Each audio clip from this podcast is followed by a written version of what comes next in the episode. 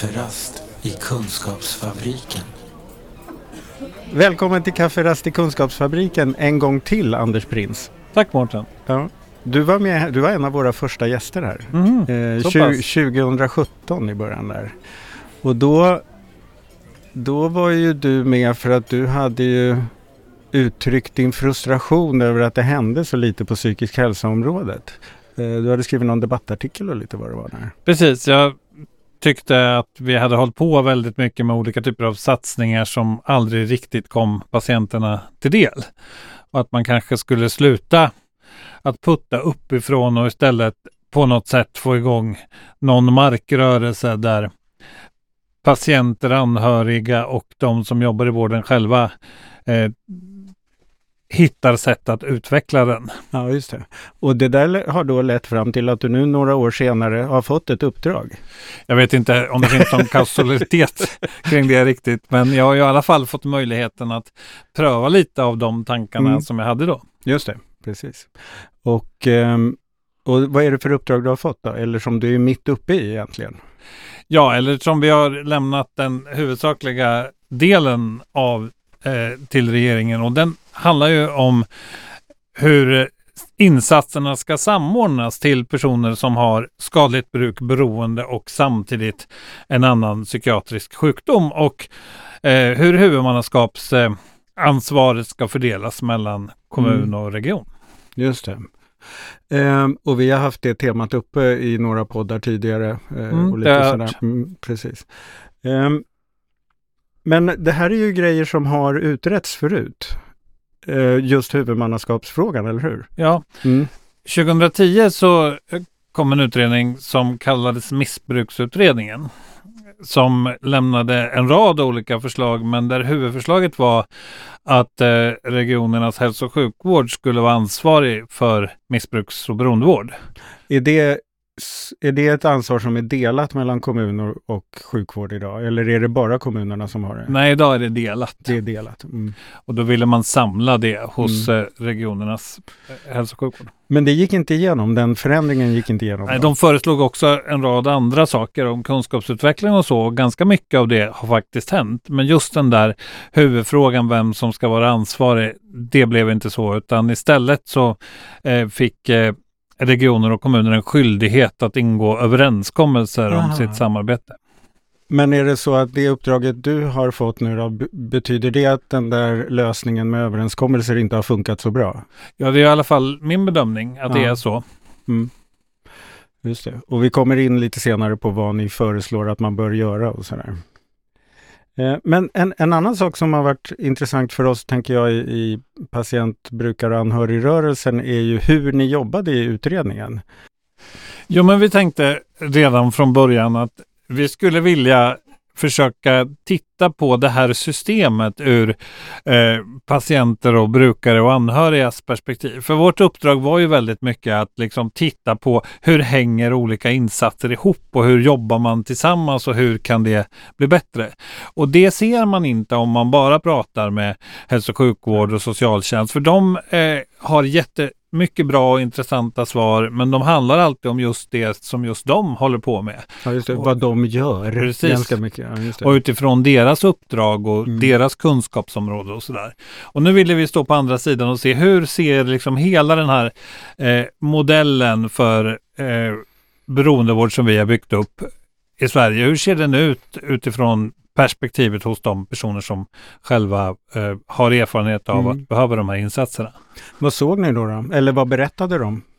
Vi började ju med att eh, diskutera liksom, hur tar man sig fram med systemet? Vad är dina erfarenheter? Vi träffades eh, både genom intervjuer och i workshops. Och man kunde liksom beskriva att man sökte vård där och då vart man hänvisad dit. Och sen gick jag över parkeringen från den psykiatriska akutmottagningen till beroendemottagningen där jag inte heller kom in därför att man tyckte att jag egentligen borde ha varit kvar därifrån jag kom. Och sådana här historier som liksom väver fram hur vårt system fungerar för de personer som finns i det. Mm.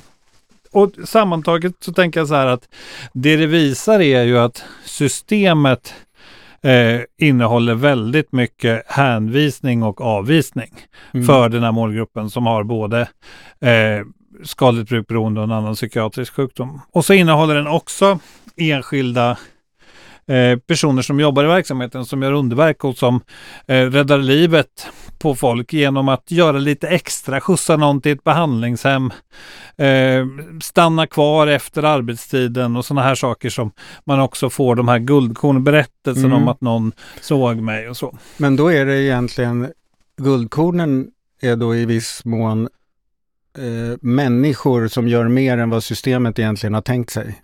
Precis. Mm. Och ibland så har jag hört, inte i det här sammanhanget, men att man också pratar om att eh, det är människor som kompenserar för systemets Mm. brister och att det är nödvändigt men att det kan också finnas problem med det därför att system som egentligen är dysfunktionella liksom eh, hankar sig fram för Mm. att man eh, För att liksom försöker folk. hitta Ja. lösningar i dem. Det är den positiva sidan av mänskliga faktorn. Precis. kan man väl säga. Ja, just det.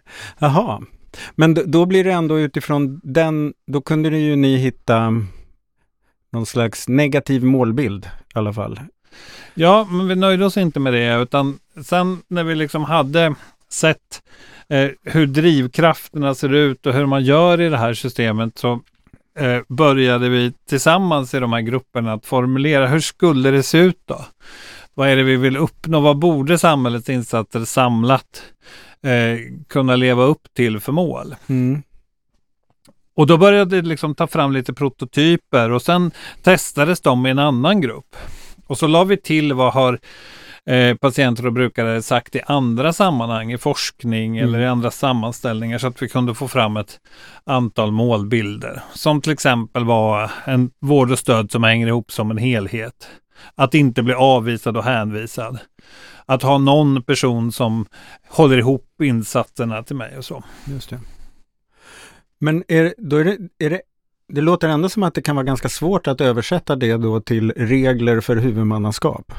Ja, Eller, Och vi tog, började med då att ta med oss de där målbilderna och prata med chefer och ledare i eh, tre regioner, Västernorrland, Värmland och Örebro, men också kommunerna där. mm. Eh, och ställde frågan, hur tycker ni att era verksamheter tillsammans och var för sig lever upp till de här målbilderna? Och då sa de ganska snabbt att det tyckte de inte att de gjorde riktigt. Och då frågade vi, vad beror det på då? Och då kunde vi liksom få ganska mycket bilder av att det är stuprören och de eh, specifika uppdragen, resurserna som styr mycket mer än helhets eh, och behovsbilden. Och då hade vi liksom, liksom pressat de här förslagen eh, ett steg till. Och utifrån det, utifrån det här sammantaget så började vi liksom skissa vad skulle kunna lösa det här. Och särskilt när det gäller den grupp som är mest utsatt, där landade vi ju ett förslag där man jobbar ihop i gemensamma team och att alla måste ha sådana. Mm. Och det tycker jag byggde helt och hållet på den här processen. Det var där det förslaget växte fram. Liksom. Det där rimmar väl ganska bra med en del andra tendenser i vård och omsorgsutvecklingen just nu i samhället också med nära vård och eh, Absolut. sådana saker. Både resultaten och arbetssätten. Mm. Och jag tror att också de som vi träffade i regioner och kommuner uppfattar nog att det här är en del utav utvecklingen mot Mm. en god och nära vård. Ja, just det. Och det där tänker jag är en fördel för att då kan man då behöver man inte uppfatta era förslag som något jobbigt som kommer utifrån sidan utan som är en del i en större omställning. Mm, Så att säga. Så att, mm, som också kanske då kan få bli giltigt på ännu fler områden än på det här. Mm, och de kan liksom smitta Ja, på ett positivt sätt. Och det man har lärt sig inom cancervården eller reumatikervården kan plötsligt vara en kunskap i en region som man kan använda här också. Mm.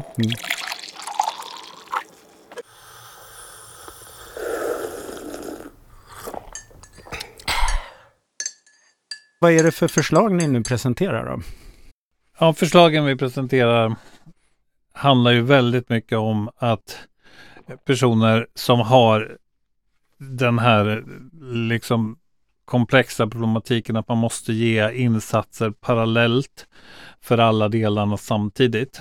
Idag så är det ju inbyggt i systemet, ofta beslutade eh, liksom väntetider att man måste ha varit nykter sex månader för att få psykiatrisk vård. Liksom. Och då föreslår vi att eh, för det första att eh, all behandling ska ske i regionen. Och det beror ju på att om man delar upp det här mellan huvudmännen, då är det jättesvårt att få ihop det här att det är regionen som behandlar eh, psykiatriska problem och sen är det både regionen och kommunen som eh, behandlar det skadliga bruket och beroendet. Och då behöver man ha det här samlat, för vi vet att de här sjukdomarna måste behandlas ihop. Mm. Eh, så det är ju egentligen vårt huvudförslag och vi tror också att regionerna på längre sikt har bäst förutsättningar att bygga upp eh, evidensbaserade insatser och mera jämlik vård än idag när det handlar väldigt mycket om vad man tillämpar just i den här kommunen. Mm. Eh, men det kommer då ändå bli någon slags gränssnitt mellan region och kommun? Ja, och gränssnitten är ju en del av vår välfärdskultur och jag inbillar mig liksom inte att vi kommer att bygga bort dem. Nej. Och ni kan inte föreslå bort dem ur en liten utredning på ett område? Nej, men vi petar ju lite på dem hoppas okay. vi. Ja.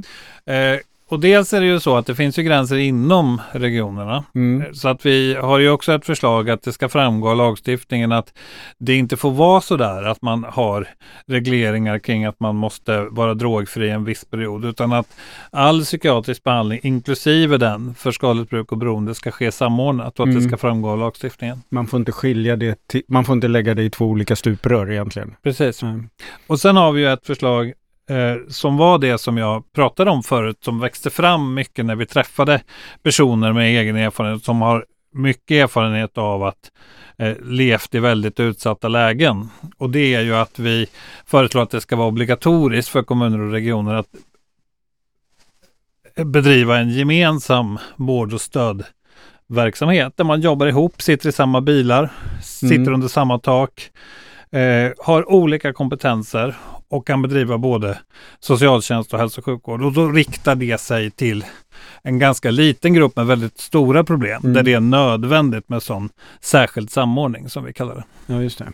Och det där finns väl redan på sina ställen? Ja, precis. Ja, mm. ja det finns på 26 ställen faktiskt. Okay. Ja. Jag har kartlagt det här ja.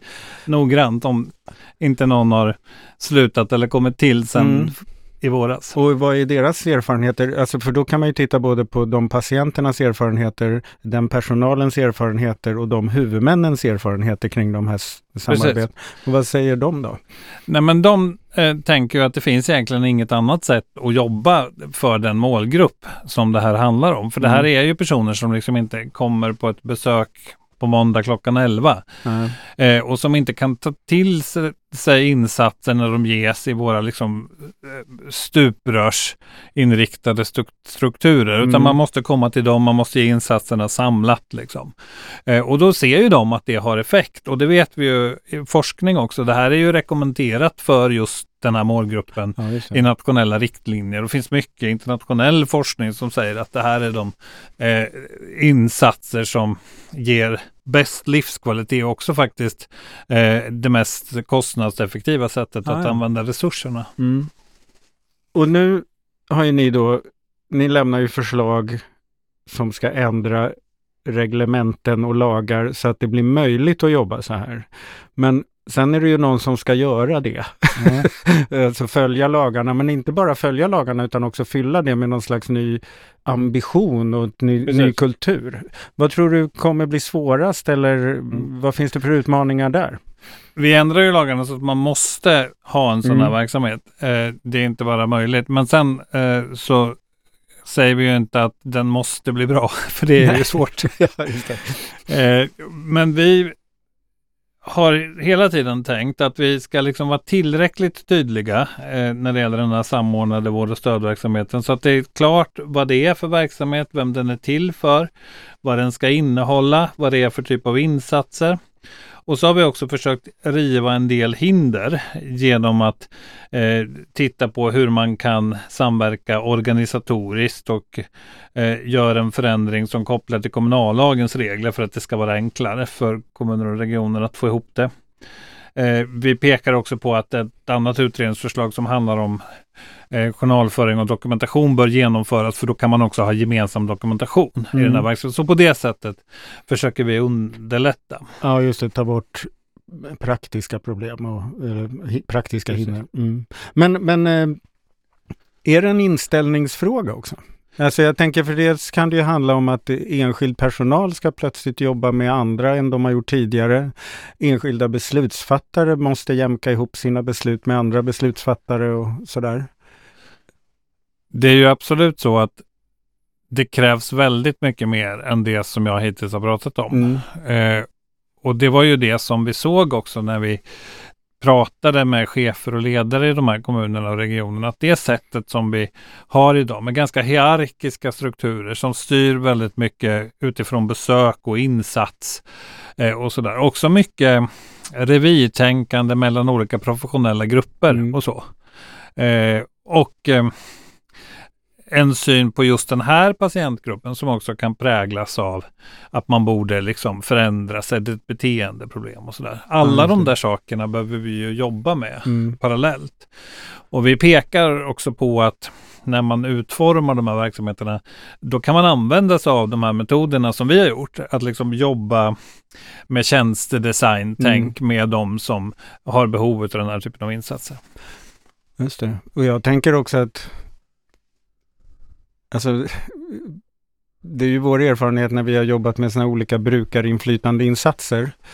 Um, är ju också att när personal får vara med och känna att fan nu blir jag ju skickligare på mitt jobb tack vare det här. Så kan man ju inte gå tillbaka. Så det jag tänker de här mm. kommunerna på de här platserna där man har börjat jobba i team och ser Precis. inte bara att det blir ett bra resultat. Jag skulle gissa att de som jobbar i de där teamen känner att det blir ett bra resultat och det är en slags belöning också.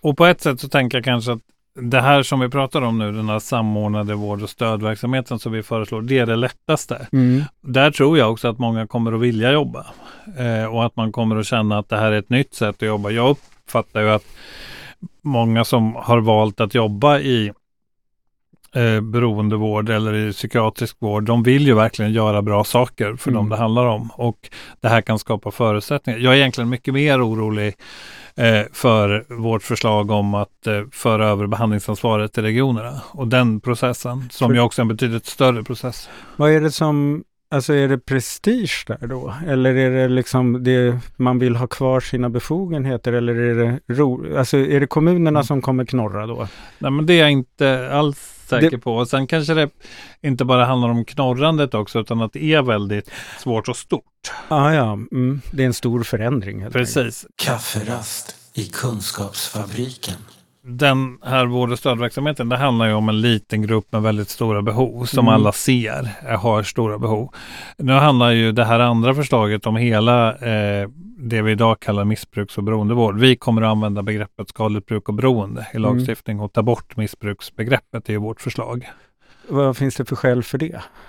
För att det är bättre att använda ett mer neutralt begrepp mm. som också finns i eh, diagnosmanualer mm. och sådana saker än att använda ett begrepp som är väldigt kopplat till vad den enskilde gör och beteende och att man brukar någonting på ett felaktigt sätt. Men får jag prata mer lite ja, grann det får om du jättegärna göra.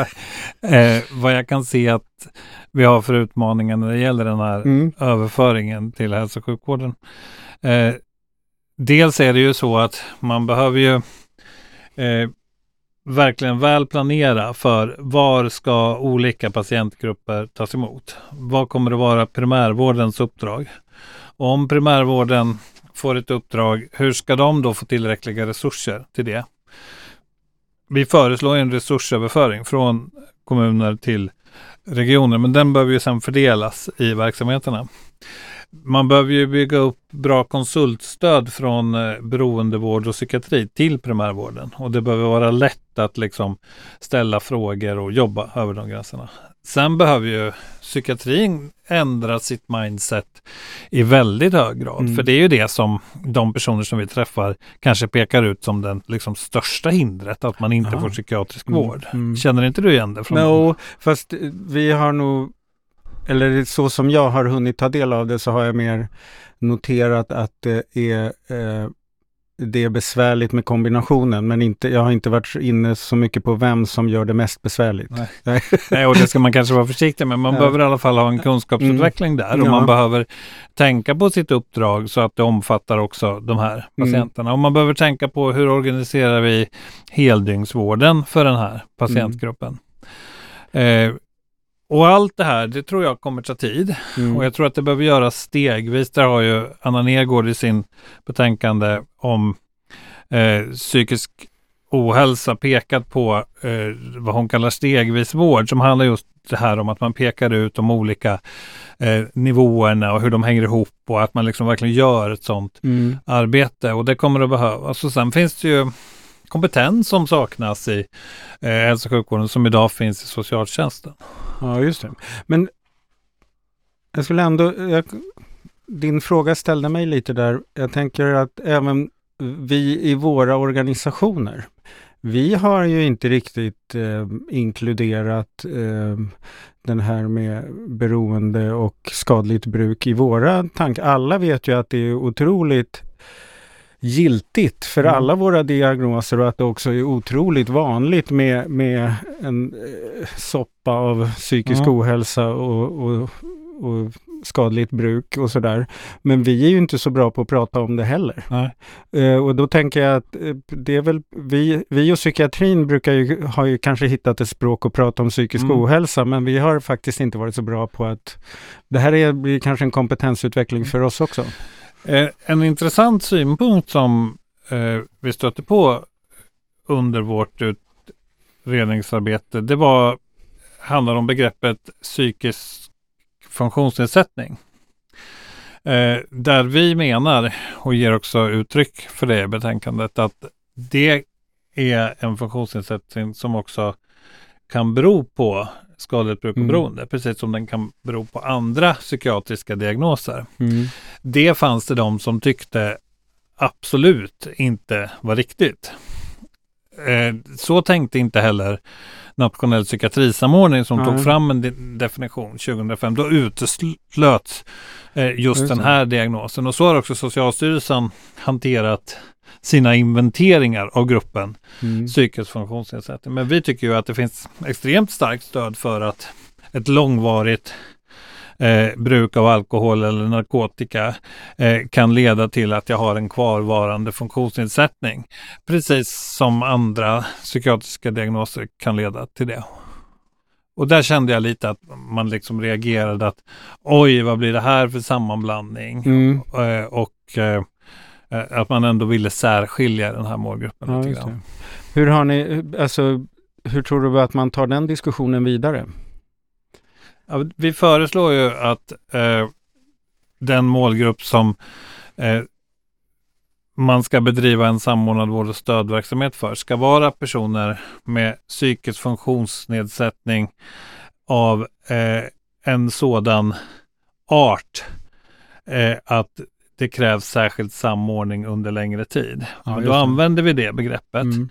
Eh, och att den är av sådan art att det krävs särskild samordning, det är ju just det här att man kombinerar eh, den psykiska funktionsnedsättningen ofta med skadligt bruk och beroende, men också att det kan finnas andra saker som gör att det blir väldigt komplext i mm. insatserna, mm. kriminalitet eller våld eller sådana saker, hemlöshet. Mm. Men det här kommer väl bli en... Här låter det lite som att ni i utredningen också har hittat en, en grej, en, en förklaringsmodell eller vad man ska säga, som, som kommer behöva diskuteras för att man ska skaffa, skapa förståelse för den framöver. Och, och, då tänker jag förståelse både hos oss, till exempel i brukarorganisationerna, ute hos enskilda människor mm. med den här pro, de här utmaningarna och i förvaltningen som ska liksom hantera beslut Verkligen. utifrån de här eh, och vi tänker att ganska mycket av det vi föreslår är en normalisering. Mm. Det är en normalisering att se liksom, den här psykiatriska åkomman som en åkomma som andra. Eh, det är en normalisering att det är hälso och sjukvården som behandlar sjukdom. Och det är också en normalisering att eh, vi har i snart 30 års tid pratat om att psykiatrisk sjukdom kan leda till psykisk funktionsnedsättning och då menar vi att de här psykiatriska diagnoserna kan också göra det. Mm. Det är ju inte så att vi drar någon kampanj för att det här är en funktionsnedsättning och så, Nej, utan det det. är bara ett resonemang att det här kan leda till det som annat. Liksom. Vad bra att du är med i en podd som heter Kafferast i Kunskapsfabriken, för det här är ju verkligen kunskapsalstring. Det ska bli intressant att se om det där det, det har ingen, ingen absolut avgörande Nej. betydelse för hur de här reglerna vi föreslår tillämpas. Men det ska intressant att se eh, vad det kommer in för synpunkter Mm. och hur man kan resonera. Och nu när ni har lämnat förslagen och de förhoppningsvis också blir tagna, för det ska ju valsa genom riksdagen och annat eh, och så det blir Det propositioner. räcker inte med att jag tycker att det bli så. Hur klok man än tycker att du är. Där. Mm. Nej, men och sen så ska det i bästa fall då bli färdiga lagar och så. Eh, och sen ska någon göra det. Men kommer man fortfarande känna att ja, just det, det här handlar om den här gruppen. Det, här, alltså, det är ju det vi förstår är en utmaning. Liksom. Hur har ni liksom gjort för att känna att det som sen ska bli faktiskt handlar om det där som ni lyssnade in i början? Det där är ju väldigt lätt att man tappar det där och vi har försökt att undvika det. Eller, eller jag vill inte säga att vi har klarat det för det vet jag inte och det är ju också så att man kommer i ett skede i en sån här utredning där man måste lägga ner jättemycket energi på konsekvensbeskrivningar och lagkommentarer och Mm. sånt. Men vi har ju dels haft med oss de här målbilderna i hela arbetet. Vi la inte ifrån oss dem utan vi har prövat varje förslag mot dem. Aha, okej. Mm. Och vi visar också i betänkandet med en bild där hur de här hänger ihop. Mm. Så man kan följa linjer mellan just den här målbilden och det här förslaget. Ah, ja, och smart. Mm. Så att det kan bli tydligt. Och sen har vi också återkopplat och fortsatt dialogen med personer med egen erfarenhet Mm. under hela vägen. Mm. Så att vi har liksom kunnat fått inspel och sådär. Men sen är det mycket kvar framför oss om det skulle bli så att man väljer att gå vidare med de här förslagen. Ja, just det. Men i, i princip så skulle man kunna tänka att om de här förslagen genomförs så, så skulle man kunna ta de där målbilderna för att utvärdera ute i en region hur vi har lyckats med den här omställningen. Ja, vi föreslår Mm. också att en myndighet ska få i uppdrag att ta fram en modell för Aha. hur man ska kunna Mm. följa det här området utifrån de här målbilderna.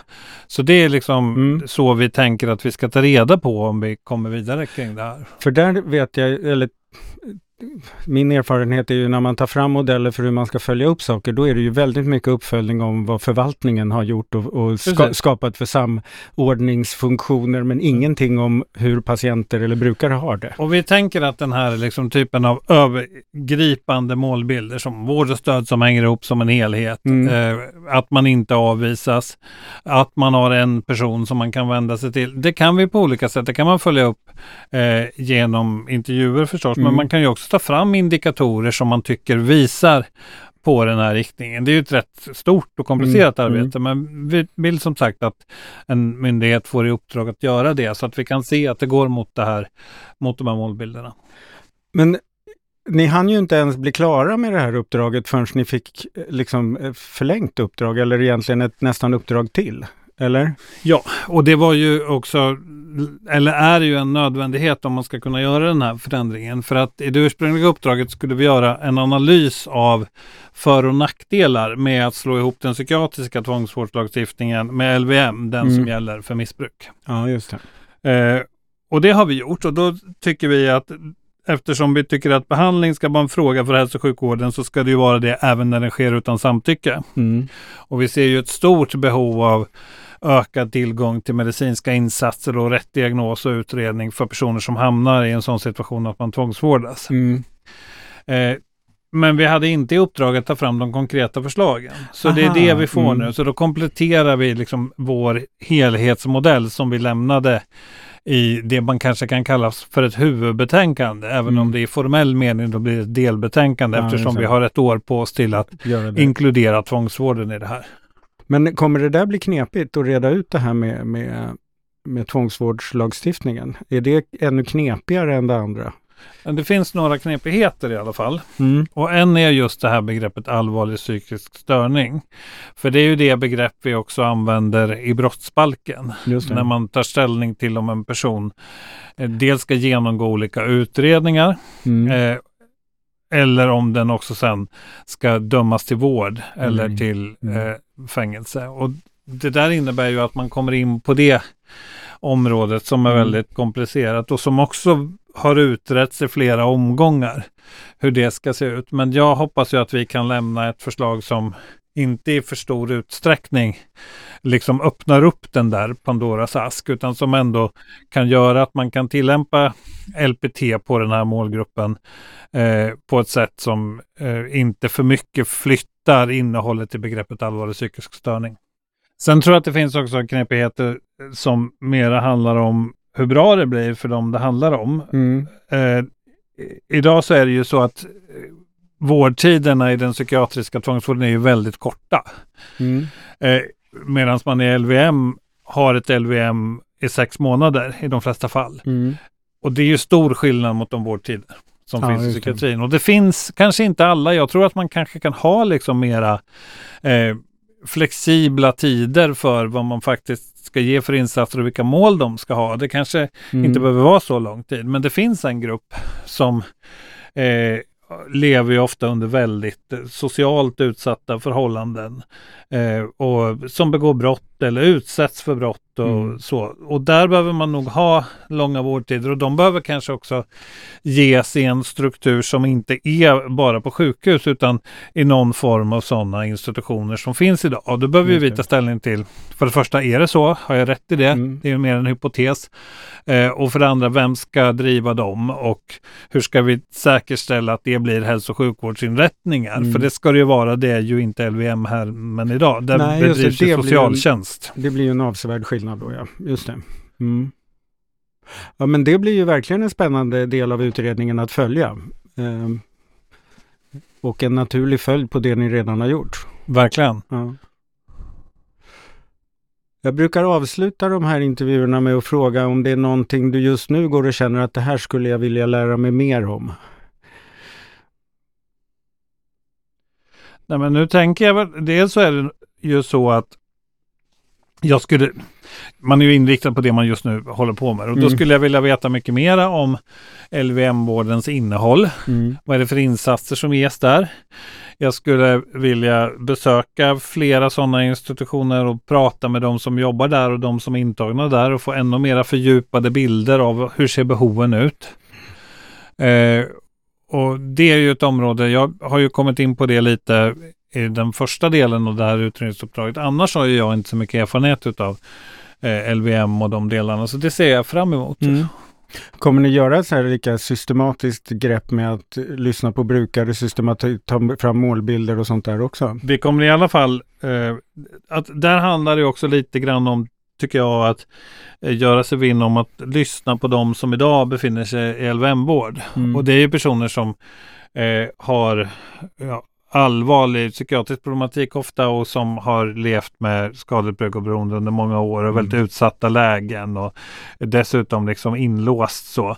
Och då kanske man inte kan vara så där systematisk utan då kanske man hittar andra sätt att Mm. prata. Vi har ju gjort lite sådana intervjuer även i det här uppdraget. Liksom. Just det, det handlar om att mer tala med de som kanske ännu inte har återhämtat sig. Ja, verkligen. Mm, just det. Ja, Mm. och det ena behöver inte utesluta det andra, men jag tror det är viktigt Mm. att få sådana perspektiv. Och jag, min erfarenhet är ju, jag har ju varit med i sådana sammanhang annars och till exempel pratat med personer som kan vara tvångsvårdare på grund av psykossjukdom och så. Och där är min erfarenhet att man kan eh, vara vid riktigt dålig hälsa och ha mycket föreställningar om olika saker som vi andra har svårt att förstå.